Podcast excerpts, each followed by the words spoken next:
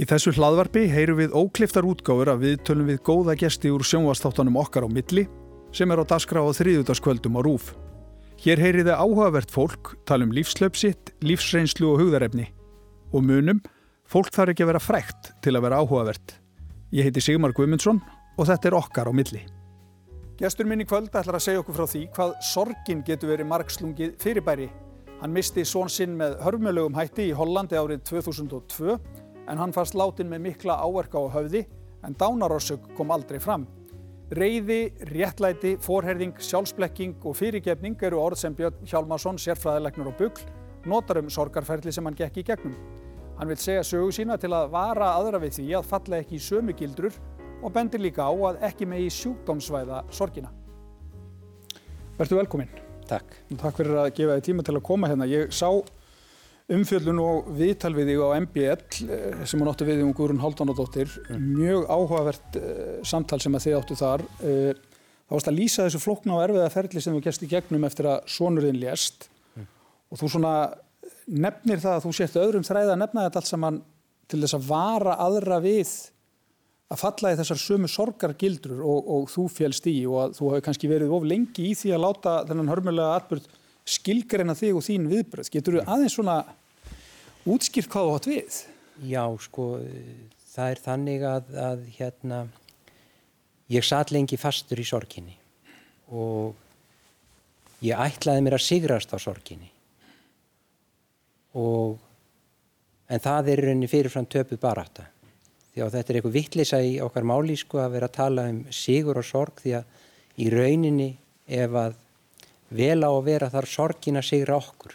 Mm og í sorgin er ákaflega mikilvægt að segja sína sögu og, uh, hérna, og þá þarf maður að hafa sannleikan í heiðri og það sem gerðist þarna sem sagt núna 8. februar síðastlinn þá hefði hjálmar minn orðið 35 ára gammal og þeim, á þeim tímamótum þá ákvaði ég að skrifa honum hinstu hverju og hún var byrt í morgumblæðinu mm.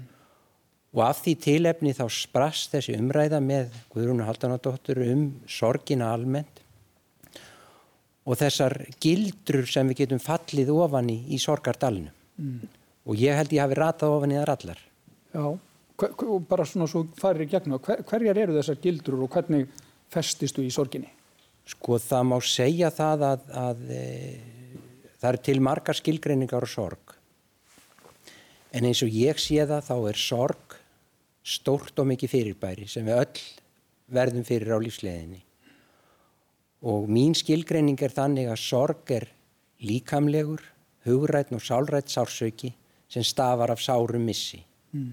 Þetta getur verið missir ástvinnar, þetta getur verið e, missir á atvinnu, missir á félagsleiri stöðu vegna einheltis eða þess áttar og sorgin er í rauninni bæði óhjákvæmilegt og lífsnauðsynlegt þróskaferli. Mm. Og mér þykir svo væntum e, þá lýsingu Dalai Lama að hann segir að sorgin er því félagslega sársökaskín og það er þannig að líkami án sársökaskins getur ekki varið sig. Eins og við sjáum hjá þeim sem eru svo óhefnir að fá holdsveiki og missa sársökaskinu og þeir eru kannski útíkámsmenn að það geta nagdýri nagað af þeim tær og fingur á þessu að verði þess vöra því þið get ekki varið líkamann án sársökaskins. Eins er það með sorgina sem er okkar félagslega sársökaskinn að það er lífsnauðsynlegt til að verja samheldni í mannlegum samfélagum. Og ég festi mig í gildrum sorgarinnar á þessari vittlis og ætla að sigrast á sorgin í stað þess að læra temprana og vingast við hana og leifa henni bara að sigra mig. Mm. Og ég barðist eins og ljón, eins og sært ljón fyrir réttlæti í tveimur löndum og í rauninni var ég að auðsa myrkri yfir fólk allan daginn og sársauki minn í sorginni var endalust sár og meiðandi fyrir mig. Mm. Og það sem ég gerði í rauninni, ég rataði á þroskaferli að ég ætlaði að sigrast á sorginu og ég kallaði það ófríðarhyggju. Ég gat bara ekki setið á sárshöfði, ég þurfti endalust að vera að berjast og þeir sem stóð ekki með mér í þessari baráttu fyrir réttlæti í svonum málum látin svonar, þeir voru bara sjálfkrafa óvinnir mínir og ég misti marga vini af þessum sökum en, en með hjálp sorgarinnar þá áttaði mig á því að þessi ófríðarhyggja mín myndi ekki leiða til neins nema eigin tortímingar. Mm. Þannig að með hjálp svona hófstillu eða hófstillingar þá lærði ég að temja mér fríðarhyggju. Og það sést til dæmis á það, því að í þessu viðtali í dag til dæmis kýs ég ekki að tala um þessa hörmulegu atbyrði e, hérna sem auðvitað til þess að svonum með misti lífið heldur miklu frekar um lærdómin. Mm -hmm. Að því mér finnst ég að hafa mikilvægan bóðskap að færa sírkjendum. Já. Síðan í öðru lagi festist ég í hörmungarhyggju sem er ekki hótinu betri og það er þannig að þegar að ólánið kemur manna óvörum þá verður maður á nálum yfir því að ólánið kom manna óvörum aftur og þá bregst maður við til varnar og gerir ávalt ráð fyrir hennu versta í öllum aðstæðum því þess að ólánið kom manna aldrei óvörum aftur mm. og þetta er náttúrulega hræðileg kvíða kveikja og, og, og, og hérna það var í raunin ekki fyrir en með hjálp hugrekkis og leiðbeiningu eiginkonu minnar að ég fór að temja mér eftirvendingarhíkju. Það er að segja, ef maður er bara nú duglegur að láta sér lakka til einhver sem er skemmtilegt í framtíðinni, þá verður eftirvendingi svo sterk að hún slæra á kvíðan. Mm. Síðan dætti í annan pitt sem er hérna svona einn af strengjum þjáningarinnar sem er sjálfsfórnarhyggjan eða sjálfsir sem píslarvott. Og þetta er mjög niðurbrjótandi viðhorf þá reikna maður ábyrð á allir í sínu ógæfi og aðra og það er bara aðrir að leysa þetta fyrir mann og það getur það auðvitað enginn því sína sorg verður hver maður að vinna sjálfur mm. og sorgarvinnan er erfiðisvinna og þess vegna verður það ekki nógsamlega uh, sagt, mælt þau varnar orð að sorgin er erfiðisvinna og maður þarf að taka sér kvíld á sorginni. Það þýðir ekkit að vera að vinna í henni dag og nótt enda löst, heldur verður maður að kvíla sig því annars ofgerir maður sér eins og ég gerði. En það var í rauninni bara með hjálp kærleikans og sálgæslu leiðtoga sem ég leitaði til sem ég gæti tamið mér sjálfsræktarhyggju þar sem ég fór að hlúvel að sjálfu mér auðlaðist auðmíkt til að sækja mér hjálp og halda frið við alla menn. Mm. Síðan var það sagt, fjórða hugsanaskekkjan eða gildran í sorgardalum í datóni það sem ég kalla réttlæti snauðhyggju. Og það er það ég leit á réttlæti sem algilt lögmál í þessum heimi og það er ekkert fjærsanni. Og það var líka ekki bara hvaða réttlæti sem var, heldur mitt réttlæti. Mín skilgrinning á réttlæti skildi gilda fyrir alla menn. Þannig að þessi ofætlun var þess valdandi að ég festist meira í ófríðarhyggjun en annars við orðið og það var í rauninni ekki fyrir en ég leitaði til sér að Sigurbjörns Einarssonar biskups með alls konar torræðar uppljómanir og, og upplifanir sem sagt sem ég vissi ekkit hvað ég átt að gera með og hans leiðbynning var stutt og lagóð rektaði trúna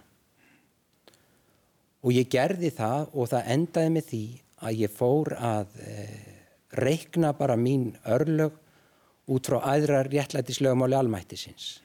Að jafnvel þó ég væri vannmáttugur og, og vannburðugur við að skýra þessa örlaga strengi sem urðu sinni mínum að aldur til að að þá sko hlita verið eitthvað skinnsam í þessu og ég treysti bara Guði fyrir því.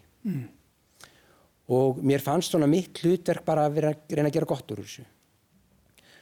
Og síðan var það í fymta lagi sem var mér mjög erfitt og það var fullkomnar áráttan sem er alveg skelvilegur húsbóndi og ég þurfti að gera alla hluti sem ég tók mig fyrir hendur 150% vel og þetta gekk nærri sjálfið mér en ennþá nær samstarfsfólki mínu og það fann svona til svona kannski vannmáttargakvart mér. Ég var að gera alla hluti svona ofur vel og, og eigða allt á löngun tíma í einföldustu hluti. Og hérna ég lendi í vandraðum á vinnustaf vegna þessara fullkomnar áráttu. Mm. og þánga til ég rakst á grein eftir Ingrid Kuhlmann sem sagði í raunin að fullkomnar áráttan er villuljós fullkomnun er ekki til nema maður sé Guði almáttugur. Þannig ég tamdi mér árangurshyggju í staðin sem að byggir á því að það að gera hlutin 80% vel er bara ansi gott mm. og, og bara maður leggur sér allan fram en 80% er nóg og en allar þessar hugsanaskekkjur, hugrænu uh, sko hugsanaskekkjur ég satt fastur í þeim allt, allt og lengi Mörg, mörg ár? Mörg ár, já, já. Hvað, en, en sumt af þessu sem þú vart að lýsa eins og bara, þú vart að tala um reyði, þú vart að tala um réttlæti og allt þetta Ma, maður myndur nú halda að þetta væri samt bara ofur eðlilegur hlutur með hlýsjóna því sem að, að þú verði fyrir og þið. Jú, það, það má segja það og, og það er auðvitað þannig að, að sko e, í digðasiðfræði Aristotelisar er lagðulega svo ríka áherslu að það allar tilfinningar séu réttu hlutvalli við tilefnið Já. og að maður verði að vera reyður á réttum tíma í réttum magni, hvað þetta réttum aðila Já. Og í rauninu má segja að mitt vandamál með reyðina var að ég náði aldrei til þeirra sem bára ábyrð á andláti sonar míns e, og hérna en, en það sem skiptir svo miklu máli er að hérna sko þegar við tölum um sjúkdómsvæðingu og sorg mm. að þá erum við að tala um þann úrskurð í rauninni geðleiknis eða heimilisleiknis að tilfinningarna sé orðnar of stórar, of sterkar og of stjórnlausar þannig að viðkomandi sé á vissanháttun að missa stjórn.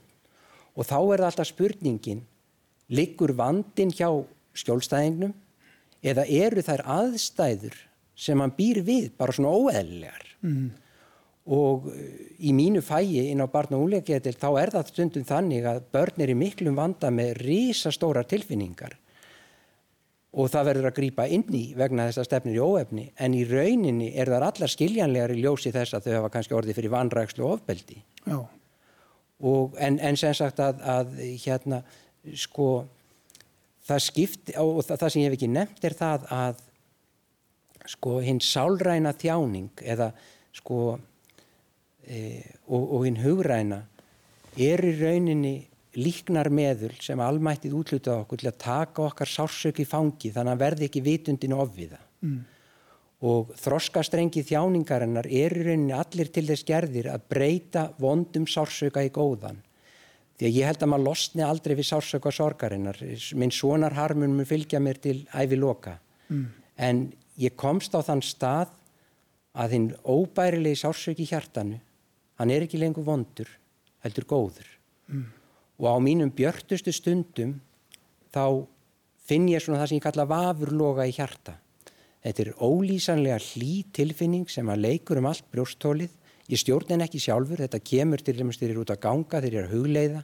Ef ég skrifa fallega texta þá kemur þessi tilfinning til mín. Og ég veit ekki hvernig á að tólka þetta en, en sagt, mín svona leikmanns tólkun er svo að þetta séu skilningsbóð frá látnum síni og hinn sálræna þjáning er þannig að maður fyllist tómlæti og tómhyggju þegar að átökinu millir ástar og haturs í sálinni er óbærilegt og þá verður maður bara þetta niður því maður ræður ekki við þessi átök og eina leiðin til þess að sigrast á tómhyggjunni er að rækta ástirnar sínar. Og kannski besta löstin sem ég fann á minni tómíkju var að ég uppkvitaði mér til mikillar frelsunar að það sem hjálpaði mér mest í sorginni var að hjálpa öðrum. Já, eins og þú upplifir í, í vinnunniðinu á hverju minnsta deg. Já, Já, nákvæmlega. Nú svo var annar svona strengur sálrætnar þjáningar sem er sko mjög erfiður og það er forherðing og ég var orðin tölvert forhertur á tímabili, ég var öskur reyður og ég var húð skamma fólk. Og í rauninni þegar vestlið þá beitti ég bara beinlinis fólk andli og ofbeldi ef það neitaði að hjálpa mér. Og hérna las því reyði pisla og ef einhver hefði spurt mig á þessum tímapunkti Björn, akkur ertu svona reyður? Og þá hefði ég sagt, ég er ekkit reyður mm. ég var orðin það forhertur, ég fann ekki fyrir reyðinni sjálfur. Og eina lausnin á forherðingunni er eins og með réttlætisnauðhyggjuna bara að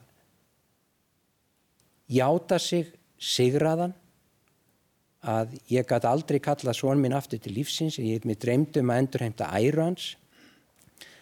En svo bara lagði ég hérna hugunar orð Þorsteins Ellingssonar skáld sem er á minnið sem eru þannig ég trúið í sannleiki að sigurinn þinn að síðustu vegina jafni. Mm. Og með þessi hugunarorði huga þá smám saman línaðist forherðingin upp og ég fór að vera ganga mér í takt við sjálfan mig. Og síðan er eitt strengur sálrætnar e, þjáningar sem er mjög erfiður og það er sjálfsblekkingin. til þess að endurheimta réttlæti í málum látin sonar þá var ég að vera sterkur og ég ætlaði mér að sigrast á þjáningunni og, og sigrast á sorginni og, og áttaði mikið á því að þetta eru villuljós því að sorgin og þjáningin voru þarna til að leiðbina mér. Og þegar vestlét þá var ég í raun orðin fárveikur og komin í svo mikla sjálfsblekkingu að ég fekk þessi svo kvöldu geðrófsenginni og þá sem sagt var svo ítla fyrir mér komið að ég þurfti bara að leggjast bráttin á geðdel til að fá hjálp. Því að sorgin mín var gjörsanlega komin úr böndunum. Og ég var greindur sem sagt með eh, svona sko, endur tekið mann í stástand og eftir á higgja þá var ég sjálfið mér alveg versti húsbóndi sem hægt var að hugsa, hugsa sér. Mm. og þegar að ég skoða þessa sögu svona í ljósi míns æfiskeiðs þá áttaði á því að ég fann enga huggun í þeirri læknisvæði sem ég kunni og ég kunni ekki á sorgina. Og það varð mér svo stórkostlega líkna að eignast nýja eiginkonu sem að leiðbindi mér um það. Og hún sagði Björn, veistu það? Þú ert algjörlega búin að láta ólánið skilgreina þig. Af hverju ferði ekki að skilgreina sjálfan þig? Mm. Og, og, þetta, og þetta er svo í grípinni fyrir ekki þetta er alveg mörgum, mörgum, mörgum árum eftir, eftir sonarinn, já, já, já, já, mörgum árum setna og en það sem er að, að hérna sko þegar ég vingaðist við sorgina og gerðana minni bestu vinkonu og baðana í eldheitum bænum mínum að breyta þessum vondasársöka í góðan. Þá smám saman rann upp fyrir mig ljós sem að góður læknir hafi bent mér á og hann sagði Björn, þú ert ekki bara fást við einasorg, þú ert að fást við margar. Sónur þinn auðvitað dóf ofefli og þetta var ákála átakanlegt allt saman en þú ert búin að missa móður og þú ert búin að missa föður og svo það sem skipti trúlega mestu máli var að þegar ég var eh, hérna tveggjára gamal þá gegst ég undir aðgerð á sjúkrahúsi vegna nárakviðslits og þetta átti ekki að taka nefna 2-3 daga en ég var svo óheppin, ég fekk síkingu í skurðsári þannig ég var einn í 8 daga á sjúkrahúsi. Og í þá tíð var því trú að það væri best að hafa bara barnið eitt vegna þess að barnið grét svo mikið þegar að hérna fóraldrinni fóru. Mm. og þetta varði í rauninni fyrsta sorg minns lífs og það sem ég komst að var að í rauninni allt mitt líf hef ég gengið með lítinn skjelvingulostin tveggjára nokka í hjartanu sem var svo hrættur við að vera skilin eftir og þetta gerði minn sonarmissi svo flókin viðrögnar fyrir mig Já Þetta er lífið okkar eru auðvitað eitthvað svona samfella sem að Nákvæmlega. sem við kannski áttum okkur ekki alltaf á. Nákvæmlega. En þú, þú ert í raun og verið að lýsa því að uh, það fer að stað eitthvað ferli, reyði, þrá eftir réttlæting og annað og þetta bara algjörlega yfirbuga þig. Já. Þetta bara gjörsanlega keirið um koll. Já, ég, sko, það má segja... Það er auðvitað óhjákvæmilegt að takast á við sorgina og hún er erfið og allt þetta en þetta verður, þetta verður svo mikið. Já, það má segja það að sorgin er ekki sprettlaup heldur marathón og maður kemst ekkert í markið í marathónhlaupum en maður nýti sér drikkjupásunar og það var akkurat það sem ég gerði ég hljóp sorgarhlaupið án þess að nýta mér drikkjarpásunar mm. þannig ég örmagnaðist.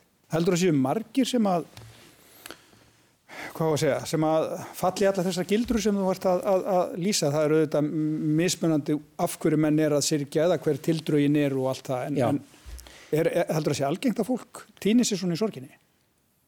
Ég veit ekki, ég hef þekkingar rannsóknir á því hversu algengt það er en, en svona mín tilfinning fyrir því að sé, þetta sé nokkuð algengt að maður ofgerir sér og það eru svona sko hófsemin er svo mikil digð að sko sumir rata sagt, ég ofgerði mér í, í, í sorginni og örmagnaðist en sko aðrir stinga öllinir í skuffu mm. og sinn ekki sorgunum sínum og það er svona hinvittlisan svona meðalhófið er að, að gefa sér tíma reglulega til þess að sinna sorgunum sínum hlúvel að sjálfum sér og ef það eru ykkur erfiða tilfinningar sem þarf að vinna með að leita þá til sálgæslu fólks eða heimilisleikna eða þeirra sem hafa vit á sálgæslu. En þetta var allt saman það sem ég gerði ekki nægu mæli. Já. einhverju mæli en ekki nóg.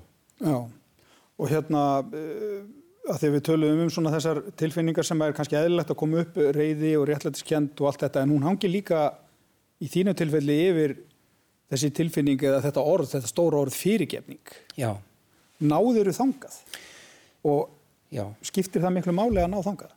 Sko það eru, það má segja það að e, yðrun, miskunnsemi og fyrirgefning eru líkil hugtök í allir sálgæðslu. En það má ekki þvinga þetta fram. Þetta verður að koma sjálfsbrotti fram hjá hverjum einum. Ég flutti hugvekju í Hjallakirkju 8. mæ 2016 þar sem ég tók mér það fyrir hendur það þrekvirki í nafni trúarminnar að fyrirgefa banamönnum hjálmarsmins og það tók svo á mig að ég varð óvinni færi í nokkra daga. Þetta var ofbóðslega sárt og hérna erfitt ferli Ég varð alveg þróttlaus og það tók mig sko marga daga að ljúka handritinu að þessari hugveikju. En Guð mig góður kvíl ykkur léttir á eftir. Mm. En það má alls ekki þvinga fram fyrirgefningu hjá fólki, hún verður að koma sjálfsbrottin. Mm. Og það má segja það að með þessu þrekvirki þá tókst mér það sem að eiginkona mín leiðbendi mér um að hætta láta ólánið skilgreina mig og fara að líta svolítið bjartar augum til framtíðarinnar. Já, og það kostiði þá mikil átök. Er þetta ákveðað að fyrirgefa eða þarf það að koma svona smátt og smátt? Þetta er ákverðun. Uh. Þetta er ákverðun en þetta er fyrst og fremst laung og ströng vinna. Og það er til víða góðar leiðbenningar um fyrirgefningaferli og fólk verður bara að finna það sem hendar því best En það sem hendaði mér mjög vel meðan ég skrifaði grátandi þennan fyrirgefningateksta var að hérna leika fallega tónlist, hafa kveikt á kertaljósi. Eh, ég horfi, gekk reglulega að, að ljósmynda hjálmari mínum og horfi djúft í augun á honum og hérna sagði honum ég gerir þetta í þínu nafni hjálmar minn. Mm. Því þú varst að mistari fyrirgefningarinnar. Já. En síðan hérna eru þetta svolítið forvöndilegt að fá að heyra, ég menna hefði verið hægt að koma í veg fyrir það með einhverjum hætt að þetta var svona erfitt fyrir þig? Að þetta var svona hlaðið neikvæðum tilfinningum og hafði svona eitrandi áhrif bæði fyrir þig og aðra í kringu þig? Ég, hérna ég líti á það þannig að þetta hafi verið náttúrulegt slís ég eh, hef af vini mínum í gamnu alveru verið kallaði baráttubjörn. Og hérna ég ætlaði bara að græja réttlæti sjálfur og, og þetta var gríðaleg of ætlan og ég sé það þannig að, að þetta var alblóðu þroskaslóð sem hefur þó haft að, að sem niðurstöðu er orðin betri maður en ég var. Mm og það er akkurat það sem sorgin gerir ef við gerum hana fallega upp og vingumst við hana leifum sorgin að sigra okkur þá leiðbeinur okkur um það að verða friðsamari og kærleiksríkari og fallegri manneskur mm -hmm. Hérna svona öðrum þræði í því sem þú vart að segja þá er, er alltaf einhver trú inn í þessu Já Ertu að tala um þetta út frá kristinni trú eða skiptir í raun og veru ekki máli hvert, hver trúabröðin eru? Sko ég náttúrulega er skýrður og fermdur í kristnum sið og, og mér þykir ákvæmlega væntum hérna kristna trú og hérna en mér finnst svo margt fallegt í öðrum trúarbröðum. Mér finnast jókafræðin sem eru uppspretta af mörg sem eru mörg þúsund ára gömul fræði eru seittla inn í öll trúarbröð mannkins og hérna mér finnst búttatrúin gullfalleg og, og, og það er líka það er einstaklega fallegt í Íslam trúni að hérna þeir trúa því að þegar barn deyr þá sé það ákveð, ákverðin aðstakviðsins og að börnum sem deyja er skipað á bekk með spámönunum og okkur öllum eh, mestu hérna, höfðingjum í himnaríki. Og það sem að hérna er að ég er trúlega tólkaður fjöllindur í trúmálum en ég trúi því að þetta sé einn og sami guðin sem við erum öll að tilbyðja. Mm. Hann heiti bara mismunandi nöfnum eftir hérna e, heimslutum og við tölum mikið um englana á Íslandi en það eru þá margir aðri guðir í öðrum löndum og, og, og hérna en Ég held að það væri gríðalegu fríðarbóðskapi fyrir heiminn ef við getum saminast um þá niðurstöðu að við værim í raun öll í grunninn að tilbyða sama guðin mm. og hver með sínum hætti og, og trúarbræða stríð er eitthvað mest að skekkjan í mankinsögunni sem ég get hugsað mér. Já, já. Þú nefndir áðan hérna, uh, þetta með sjúkdómsvæðingu sorgarinnar. Já. Og það eru þetta svolítið áhugavert að heyra því að þú ert uh, læknir mm -hmm. og nefndir líka hérna, þráttur alla þína læknisfræði þekkingu að þá þekktur ekki sorgina. Það, en það er einhvern veginn verið að gera hana sjúdómi Jú sko það, það er akkurat þannig að, að svona það má segja að trúnegð okkar og trúrækni á undir höggasækja og bara hefðin er svo að sálgæsla fór fram undir merkjum trúarinnar en ég held að við séum komin þangað að bara álíkta að sálgæsla er svo dýrmætt að við verðum að hefja hana upp fyrir trúabröðin. Mm. Þannig að, og það er akkurat það sem okkar indislegu sjúkrásprestar er að gera, að þeir eru að sálusorga hérna íslamtrúar fólk og þeir eru að, jábel þó þeir að kjarnatrú sé kannski kristni, þá er þeirra vinnubröð hafin yfir trúarbröðin. Mm. Og það væri alveg svakaleg synd ef að myndum sjúkdómsvæða sorgina af því við höfum stíð af trúni og það er eh, Allan Francis skrifaði merkabók Saving Normal eða Bjarga hinnu eðlilega og hann bendir á þá staðreind að við mennitir erum spendir og öll spendir hinn sirkja og hann bendir á þá hættu að núna er það þannig að ef gamall maður missir eiginkonu sína lífsförunautin þá má hann vera sorgmætur í tvær vikur en eftir það heiti sorgin þunglindi mm. og þetta er ekki mikil tími þetta er ekki mikil, þetta gengur ekki upp sko, og hérna og það er líka það sem Allan Francis bendir á að ef maður sjúkdómsvæðir sorgina og fljótt þá missir sorgin reist sína mm. Þá er sorgin bara orðin spurningum bóðefna ójapvægi heilanum og, og og það er jafnvel eins og þessi trúað að, að gæðlif muni færa látin ættingja tilbaka aftur til lífsins sem það gerur auðvitað ekki. En ég held að við þurfum að hugsa þetta upp á nýtt og, og, það sem ég í rauninni þrái er að, er að, að djáknar, sóknarprestar og sálgæsli fólk og læknar, sko fara, við þurfum að hugsa þetta svolítið saman og mynda svona teim um þetta að auðvitað er það eins og í mínu tilfelli að sorgin fóru böndunum og það var það sjúkdómsvæða það toppin á ísjakanum mm. en það leysir ekki sorgin að taka gæðlif það er, sorgarvinnan er óhjákvæmilegt og lífsnöðsynleitt þroskaferli sem við öll verðum að fara í gegnum mm. Já, og hérna í staðan fyrir að takast á við þetta allt saman með gæðljum uh, eh, þegar við í raun og veru þurfum þess ekki en, en rammaði aðeins nánar inn fyrir okkur hvað það skiptiði miklu máli að fatta að, að hérna, það að hjálpa öðrum hjálpaði þér svona mikið? Já, sko, það hérna það varði í rauninni kannski svona ofinberun eða frelsun eða hvað það heitir að ég hérna ég gekk upp í grunnbúðir Everest með konu minni og kona minni mikil æfintýra manneski og þenni þótti þetta stór og mikil áskorun og, og, og ég sem sagt ákvað að koma með.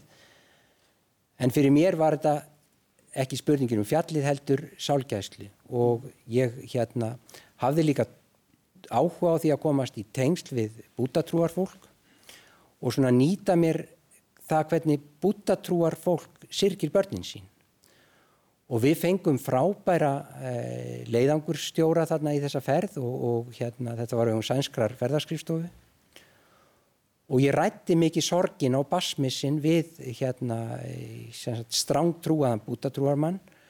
Og með það að leiðarljósi að fá svona leiðbenninga frá honum hvernig best færi á að e, gera þetta.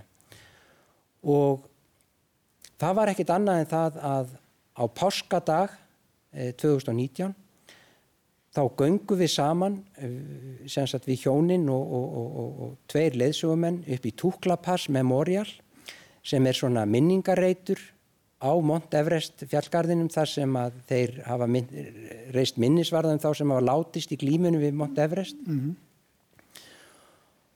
og þar hjálpuður mér að reisa lítinn minnisvarða. Þetta var ekki stórt, þetta voru bara nokkri steinar sem var aðað saman áður hafðu þeir fengið mig til þess að skrifa á borða og þeir spurðu hver ára eftirlætis litur sonarðins og ég sagði að það var í gulur fallegur gulur litur.